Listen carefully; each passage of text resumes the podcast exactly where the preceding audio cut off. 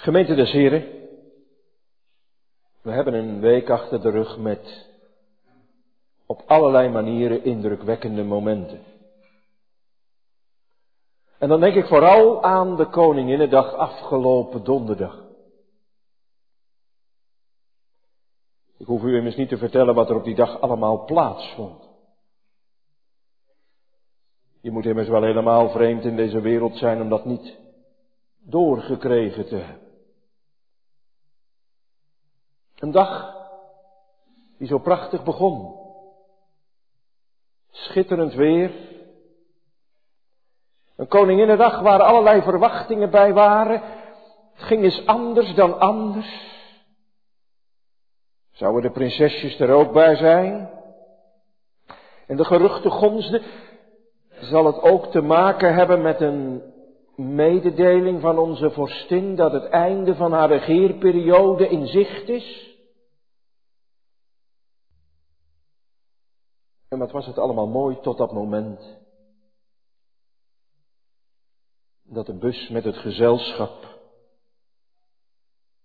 bij de naald omdraaide. En voor ze de laan naar het paleis in zouden gaan. Dat dramatische moment met die Suzuki. Waarvan het toch alles heeft. Dat het uiteindelijke doel niet de naald was, maar het gezelschap. Voor hen die daar waren, die het daar de, aan de lijve meemaakten, indrukwekkend. Ook als je thuis meekreeg. Als je zomaar bijvoorbeeld via de tv zat te kijken, midden in de feeststemming, en in één keer dat gebeurt. En het werd al snel duidelijk. Het feest is voorbij. De burgemeester kwam het zeggen. Door alles wat gebeurd is, hebben we besloten om verder de activiteiten af te lassen. Van de feeststemming die er zo goed in zat, in één keer in de tragiek en de rouw van een wereld van verschil. Bedorven was de feeststemming, bedorven was het feest.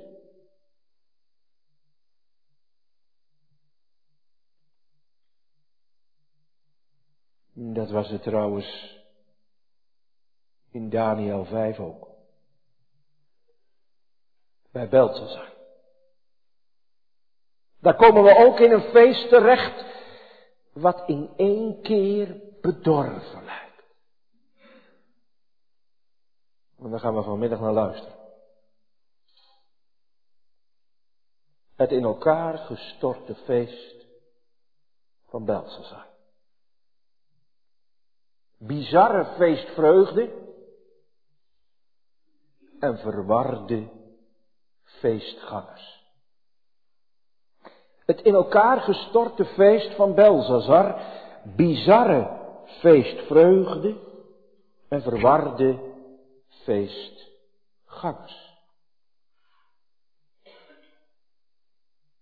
We gaan vanmiddag gemeente jongelui naar het rijk van Babel.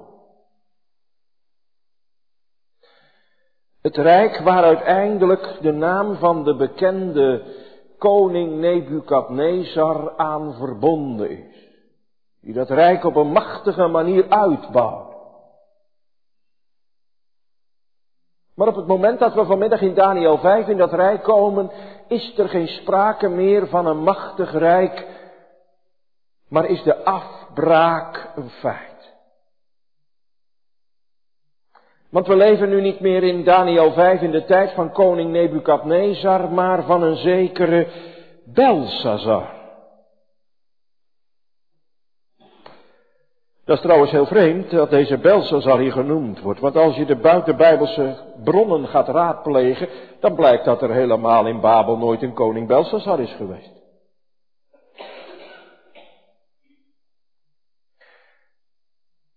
Alleen als je wat verder pluist, dan kom je erachter hoe dat zit. Want officieel was Belshazzar niet de echte koning.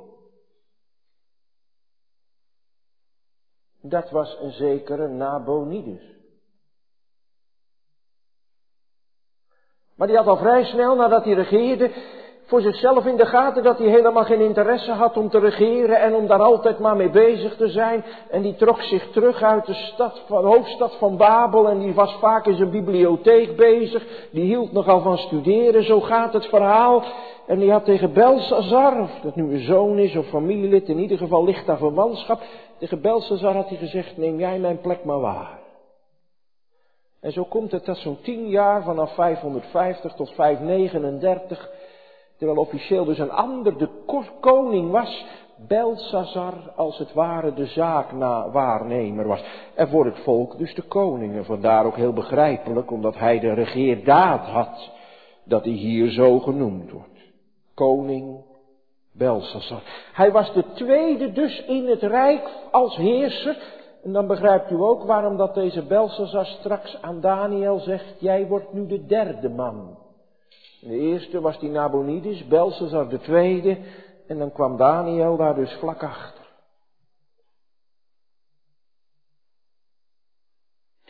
En we maken in ons hoofdstuk letterlijk de laatste dag van het Rijk van Babel mee.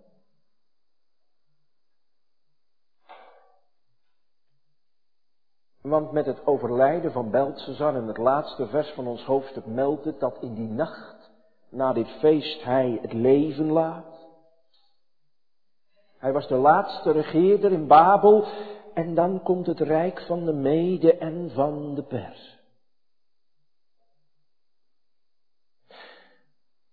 Maar over een stemming dat hij eraan denkt dat hij die nacht zijn leven wel eens kan moeten laten, vind je in het begin helemaal niks. In de burcht in Babel waar Belshazzar regeert, daar is het één en al feest. Volgens onze vertaling moeten er zelfs wel zo'n duizend mensen zijn geweest die het feest hebben gevierd. Als je het gebouwencomplex van die dagen gaat bekijken, zijn er wel eens die zeggen, is dat niet een symbolisch getal hier, om aan te geven dat het een grote menigte is. Want duizend is in die zin ook wel wat veel, dat, dat in ieder geval op dit moment dat koninkrijk van Babel zo groot niet meer is. Op dit moment staan de legers van het Perzische Rijk voor de stadsmuur van Babel. Het hele rijk is al zo'n beetje ingenomen. Het laatste bolwerk wat genomen moet worden is de burcht, is de stad Babel. Met, met die residentieburcht waar Belshazzar woont en zijn hofhouding heeft. En dat is dus nu helemaal omsingeld, aan alle kanten bedreigd. Maar Belshazzar viert feest.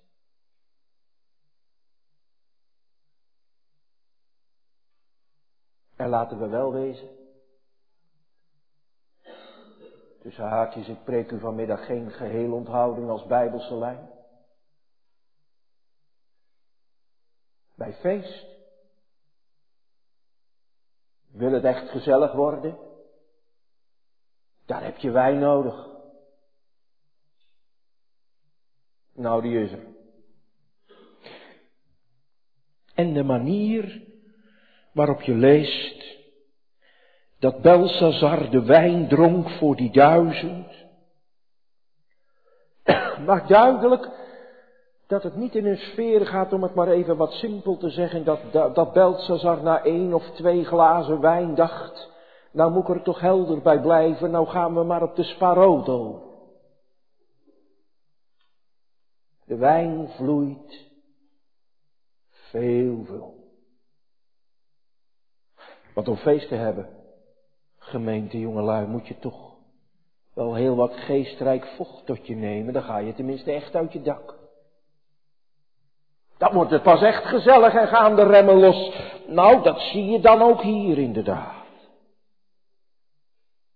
Want op een gegeven ogenblik zit de stemming er zo in en dan blijkt dat drank meer kapot maakt dan je lief is als je het later nog eens terugziet. Dan gaat de mens veel makkelijker over grenzen heen en remmingen zijn er vaak zoveel niet meer. Want op een gegeven ogenblik komt Belshazzar op het idee, weet je wat we doen om de feestvreugde nog groter te maken? Nebukadnezar, die heeft toen ooit de tempel in Jeruzalem in, in, ingenomen en die heeft toen al dit vaatwerk, al die, die schalen van die tempel heeft hij meegenomen. En die staan nog in, in, in de schatkamer hier. Weet je wat we doen? Die schalen gewijd aan de God van Jeruzalem, die laten we halen. En dan gaan we ze vullen met wijn en dan gaan we daaruit drinken. En ondertussen prijzen wij onze goden die wij ons gemaakt hebben van goud, hout, steen, koper. En noemt u het maar op hoe het hier staat. Voelt u? Dat is niet onschuldig. Heel bewust roept Belshazzar op om tot plannen over te gaan om te spotten met de God van Jeruzalem. Kan er veel fout gaan. Als het alcoholpromillage toeneemt.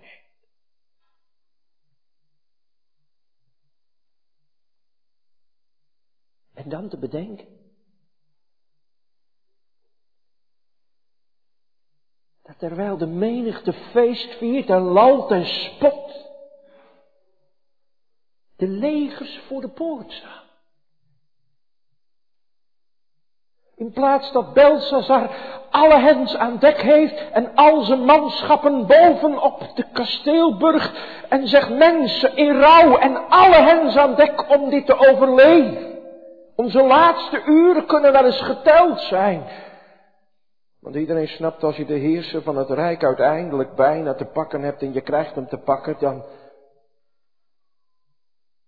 krijgt hij als dank niet een prachtig reisje naar een of ander mooi oord, maar dan is het meestal met je leven gedaan, zeker in die tijd. Terwijl de legers voor de poort staan, viert Beltsazar zijn feest.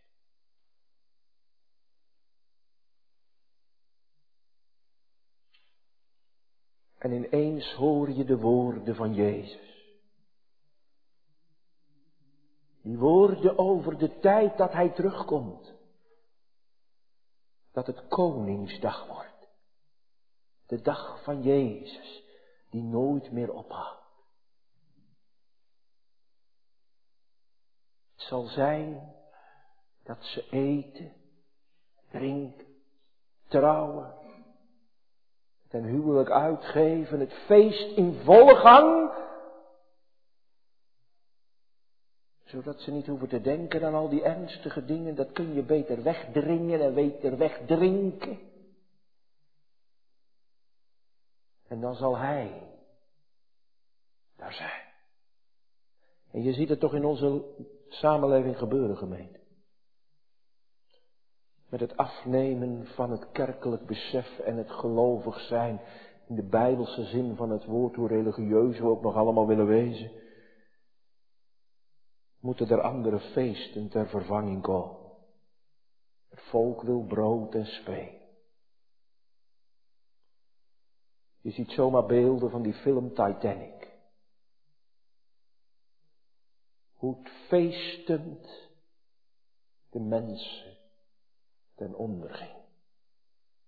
Als beeld wat Jezus tekent bij zijn terugkomst. En zo ging het ook daar. De legers voor de poort. Maar de lol gaat door.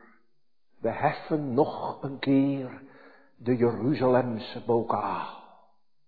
Geen zorg. Kwellen mij angstvallig hart.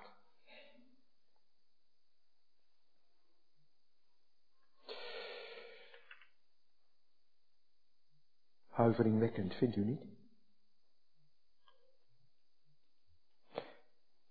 En kon ik nou maar tegen jou en tegen u vanmiddag zeggen, beste mensen in de kerk, Ik preek vanmiddag over mensen die hier niet zijn. Nee, u zegt dominee, u wou toch niet gaan zeggen dat ik zo'n feestganger ben als hier. Nou, ik ben blij als u dat zegt, want dat kom je ook wel anders tegen. Ook op Urk. En ik denk ook wel hier. Sprak de particuliere synode, uw predikant en dominee Sok. En dan vertel je wat er op Urk soms allemaal gebeurt in het uitgaansleven. Dat hoorde ik toch hier ook wel van gelegenheden in de regio noemen. Waar je soms je catechizanten kunt vinden. Maar ook als je helemaal dat type niet bent. En als je zegt, dominee, maak mij nou niet wijs dat ik ook zo, ik hou er helemaal niet van, ik zit rustig thuis en ik ben een nette broeder of zuster, jongen of meisje. Fijn. Als je die kant niet op wil. Moeten we vanmiddag niet eerlijk zeggen, gemeente, dat dat sinds de zondeval in ons bloed zit. Dat we de ernst van de dingen zo graag wegduwen. En misschien, misschien proef jij en proeft u vanmiddag dat al eigenlijk in deze dienst ook. Je voelt iets van de geladenheid van Daniel 5 en daarin de geladenheid van de preek van vanmiddag. Je hebt de neiging om dat weg te duwen. Kun je op allerlei manieren doen natuurlijk. Die preek die moet je op een bepaalde manier, als het er dichtbij komt, onschadelijk maken. De eerste pijl die je dan af kan schieten is... En de dominee die neemt het wel. Wat zwaar op de hand hoor.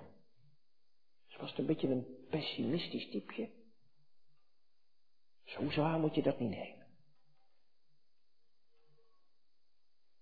En zo kun je allerlei dingen verzinnen hoe een mensenhart dan probeert er onderuit te kruipen, hoe de duivel daar gebruik van wil maken, als dat woord vanmiddag maar niet zijn klem in je leven doet, maar je gewoon weer door kan feest.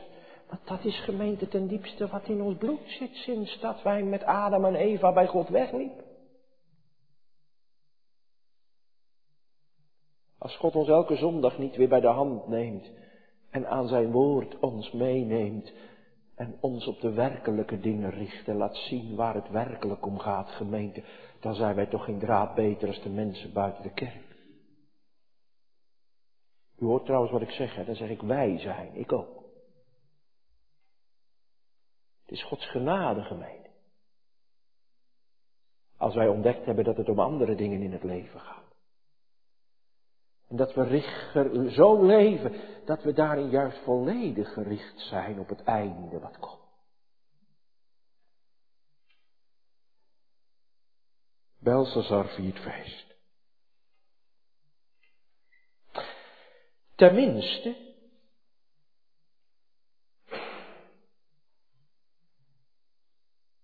tot een bepaald moment.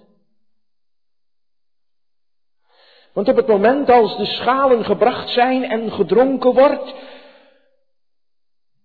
let u op het detail, vers 5, terzelfde uren, op hetzelfde moment, dat ze dus die spotscène beginnen met die prachtige schalen uit de tempel. Je ziet ze als het ware de eerste bokalen aanheffen en zeggen, nou daar gaan we dan.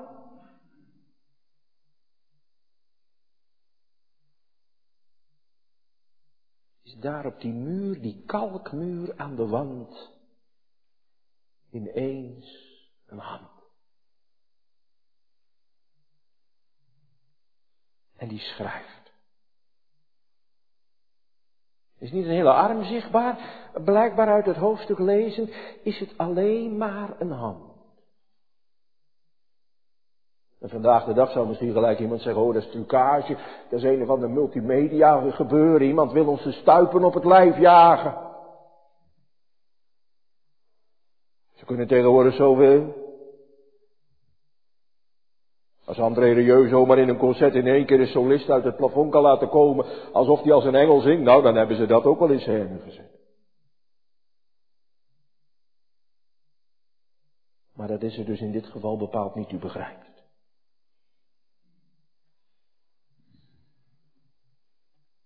Een hand die schrijft. En je voelt het stil worden in het paleis. U hebt van de week onze koningin gezien. In haar eerste reactie. Nee, begrijp u me even goed. Ik maak vanmiddag in de prediking geen vergelijk tussen Belshazzar en Beatrix. Daar gaat het me hier niet om. Dat u me niet verkeerd begrijpt. Het gaat me even over dat veranderen van dat gelaat. In de bus stralend, vriendelijk, zwaaiend, glimlachend. Dat je allemaal zoiets had. Zo, en op die leeftijd en dan nog zo. Dat is toch een hele zegen.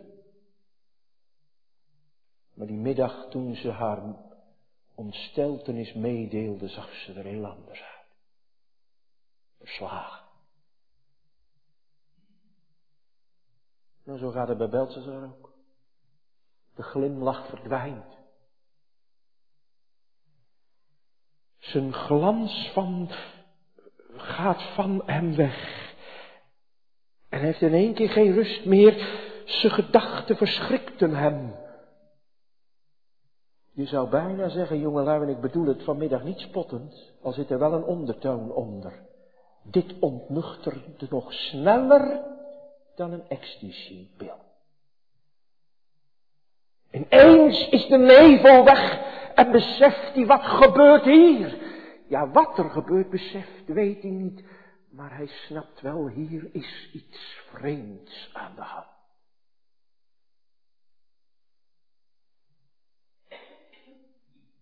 De spanning slaat zo toe, dat in vers 6 ons getekend wordt dat, dat de koning aan alle kanten begint te trillen. Jullie zouden vandaag de dag, jongelui, gewoon eenvoudigweg zeggen, hij shakes aan alle kanten. Alles pippert daar. Compleet ondaan. Hij heeft het niet meer. En dan wordt daar ook nog iets geschreven waarvan hij niet weet wat het is.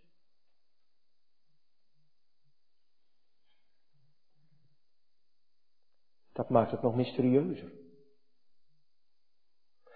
Kijk, als je nou weet wat dat is, misschien dat het dan meevalt en dus worden de wijzen van hem opgeroepen en het is een schrift wat zij niet kennen. Het is vanuit een taal die voor hen onbekend is. om een lang verhaal kort te maken, dan is daar de koningin moeder mogelijk de vrouw van Nebukadnezar. Blijkbaar is zij bij het feest niet geweest. Was ze niet welkom? Of heeft ze sinds de bekering van Nebukadnezar, of het nu de man was of de vader, of schoonvader, heeft ze beseft. Daar kan ik niet bij zijn, in die zaal. In ieder geval is zij het die op Daniel wijst. En zo komt uiteindelijk Daniel die in de tijd van Nebukadnezar al zo'n machtige plek had gekregen, omdat God hem gebruikte om knopen die vastzaten om te ontbinden. En Daniel gaat het schrift uitleggen.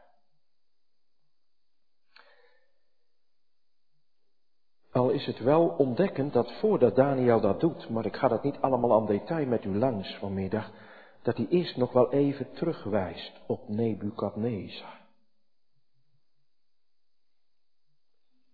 Hij maakt duidelijk aan Belshazzar, u weet toch wat er met Nebukadnezar is gebeurd?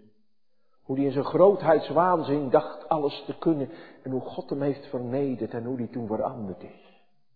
En de God van de hemel is gaan. Dat doet Daniel niet zomaar gemeente. Maar dat doet Daniel om Belshazzar te laten voelen. U weet heel goed dat u hier zit te spotten met die God waar die Nebukadnezar uiteindelijk voor gebogen heeft. En u kan niet zeggen dat heb ik niet geweten, want u weet van Nebukadnezar. U doet dit niet onwetend, maar u zondigt bewust, Belshazzar.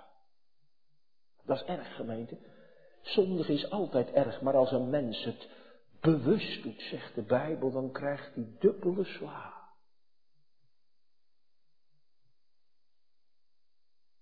En dan legt hij dat schrift uit. En dan kun je over dat schrift allerlei dingen zeggen. Er zijn ook allerlei vragen bij te stellen over die woorden. Wat betekent het nou letterlijk? En, bijvoorbeeld als nou in vers 25 staat mene, mene, tekel, ufasin.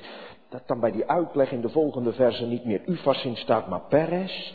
Is dat dan toch een vorm daarvan? Of ziet dat op het Persische Rijk? Hoe zit dat precies met dat Aramees en wat daar allemaal achter zit? Ik, ik bespaar u de moeite. De hoofdlijn is Belsazar.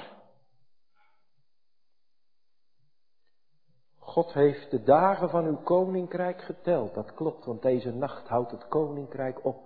Zal Belsazar sterven en valt het rijk van Babel. Zal Perzië de macht overnemen. Maar nee, God heeft u gewogen. Op de weegschaal. Als wij in de kerk mensen nog wel eens wegen op de weegschaal, daar zijn we zo goed in. Dan is niet zelden bij ons de diagnose. Wel wat zwaar. God weegt Beltsazar. Was hij maar wat zwaar geweest. De weegschaal zegt, te licht.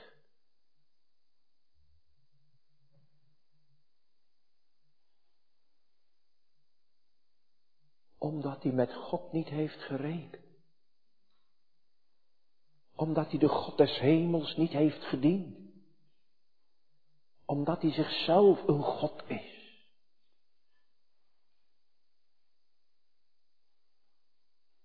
God weegt Belsazar. En hij valt door de mand. Niet geschikt voor God.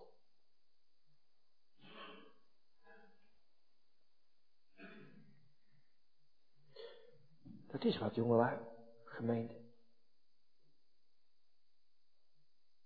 Moet je voorstellen. Midden in de bruiloft. En ik hoop dat bij jullie de bruiloften zo verlopen dat je niet alleen maar smiddags in de kerk de Heere centraal stelt, maar dat dat ook op de avond is tot de laatste momenten. Maar ik weet dat het ook veel anders gebeurt. En je ziet het gebeuren tegen het eind van de avond. De versterkers van de band gaan steeds harder. En ineens is daar een hand van God.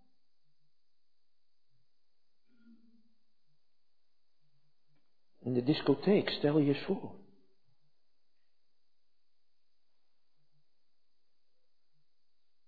Misschien wel in een van de feesttenten van de week met Koninginnedag. Waar ze niet in de sfeer van de koning der koningen vierden. Dat is nou in één keer die hand. Ah, dominee, dat gebeurt vandaag niet.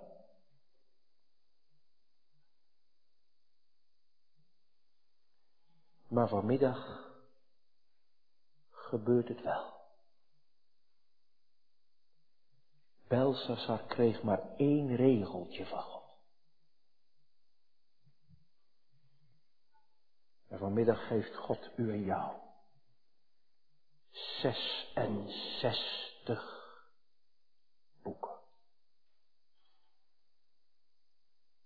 En met dit woord gaat hij mij en jou en u wegen.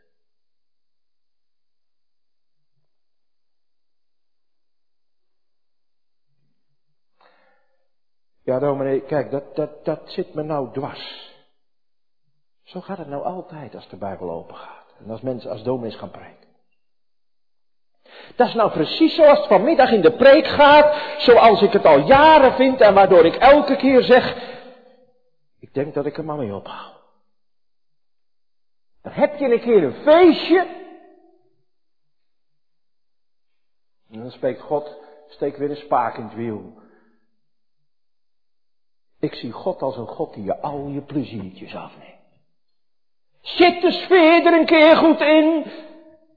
Laat die Belsazar dan komt die hand. En dan begint u er vanmiddag ook al over. Maar je ziet toch wel waarom God dat doet. Dacht je dat God dat deed bij Belshazzar, omdat hij zo graag het feestje van Belshazzar in de war stuurt? Zoals die man die van de week, met wat voor motief dan ook, en wat hij dan ook nog gezegd heeft of niet, en dat zal allemaal nog wel eens een keer bekend worden, ten diepste in ieder geval wel het feestje van de koningin in de war wilde schoppen, dat is helder. Is God zo'n God? Die denkt, is heerlijk, dat feest van, van hem of van haar, is heerlijk om eruit te halen. Nou, dat zegt de duivel tegen u en tegen jou als je zo denkt dat God zo is, maar zo is hij niet. God komt bij Beltzazar gemeente als een laatste appel. Het is zijn genade, het is zijn liefde. Beltzazar, ik heb je gewogen. Het is niet goed, moet anders. Toen Daniel in die zaal kwam, toen werd de feestzaal een kerkzaal. Daniel spreekt het woord van God. Het is het appel van God op Daniel, op, op, op Beltzazar. Daar, Beltzazar. Bekeer je tot de Heer.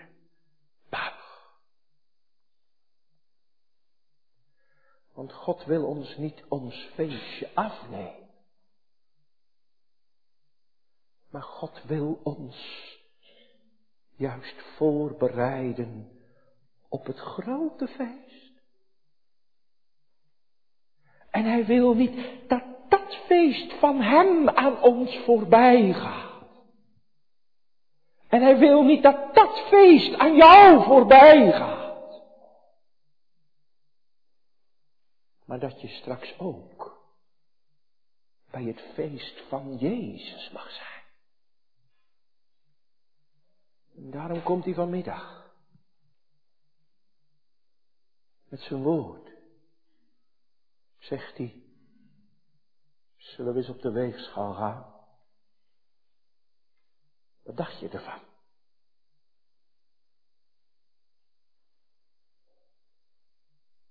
Nou zegt iemand, dominee, ik ben zo'n net kerkmens. Ik ben echt christelijk gereformeerd. Ik zit trouw in de kerk. En ik doe die gekke dingen niet waar u het nou vanmiddag allemaal over hebt. Ik moet er helemaal niks van hebben.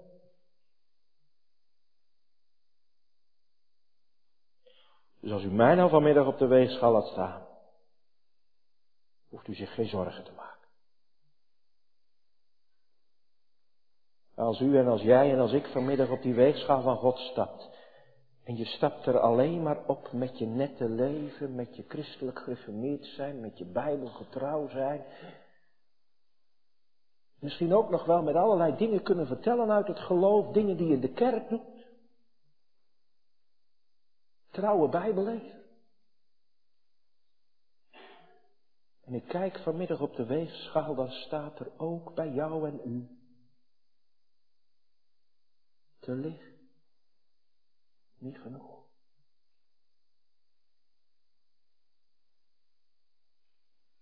Want daar kom je er niet mee bij God. Dat is niet genoeg. Voelt u vanmiddag de klem, gemeente?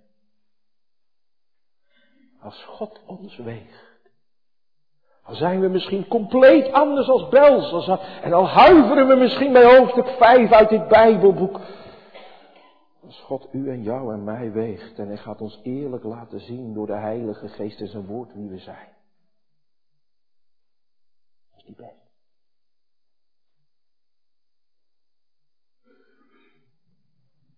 Maar weet u wat nou zo'n wonder is?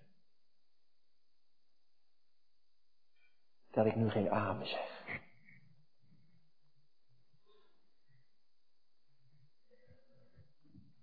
Want God heeft gezorgd dat er één is gekomen die alle gewicht in de schaal legt bij de Vader. onze Heere Jezus Christus.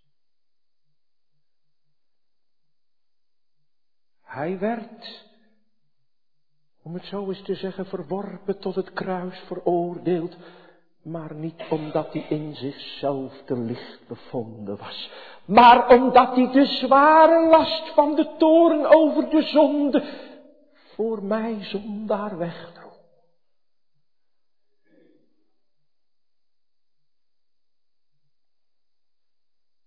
En hij heeft nu het volle gewicht in de schaal gelegd bij de Vader. En de Vader heeft gezegd, toen Christus de prijs betaald heeft, genoeg. Dit gewicht wat je voor de schuld gedaan hebt aan het kruis, is genoeg.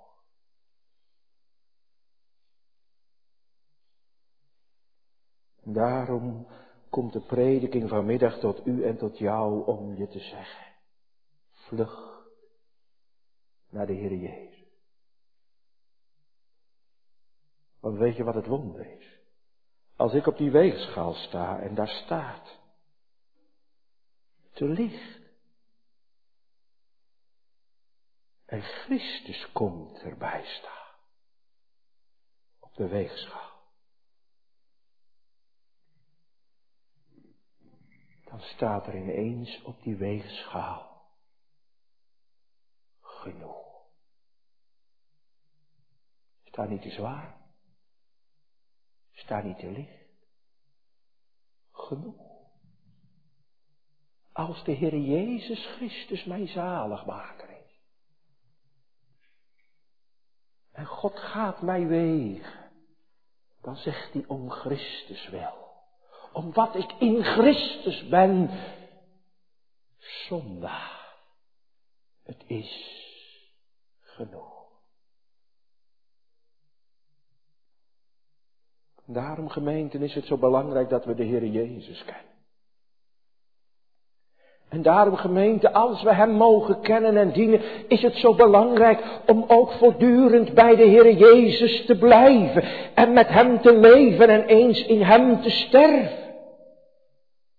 Want alleen als we in Christus zijn, dan zijn we in Gods weegschaal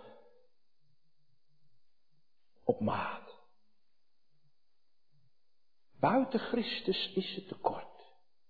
In Hem is het genoeg.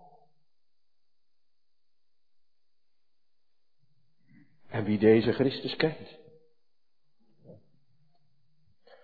Of wie door de prediking van vanmiddag op de knieën gaat en tot deze Heere Jezus Christus gaat vluchten. En hem vindt. Voor die mens geldt. dat dan het feest echt gaat beginnen. Net als die zoon die thuis kwam in die gelijkenis, weet u wel?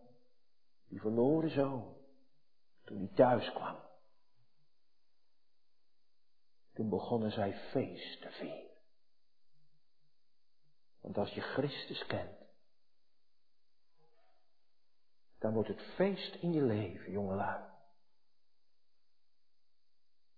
En daar proberen allerlei menskrachten aanslagen op te plegen. De Satan niet in het minst probeert daar zijn aanslag op te plegen. We hebben vanmiddag van de week gezien wat een aanslag of poging kan zijn. Wie in Gods hand is, wie het eigendom is van de Heer Jezus, hoeft niet te vrezen. Want er kunnen er aanslagen zijn wat er wil van Satan, van de wereld, van je eigen hart uit. Maar bij Hem heb je de hoogste security. Veilig bewaard voor eeuwig Dan ben je arm als je dat mist. Dan ben je net als Psalm 62 zegt. Een mens die als je het weegt nog lichter is dan ijdelheid. Gezegend wie in Christus mag zingen. Hij is mijn rots, mijn heil in nood. Ik weet mij geborgen. Wat een feest is dat. Amen.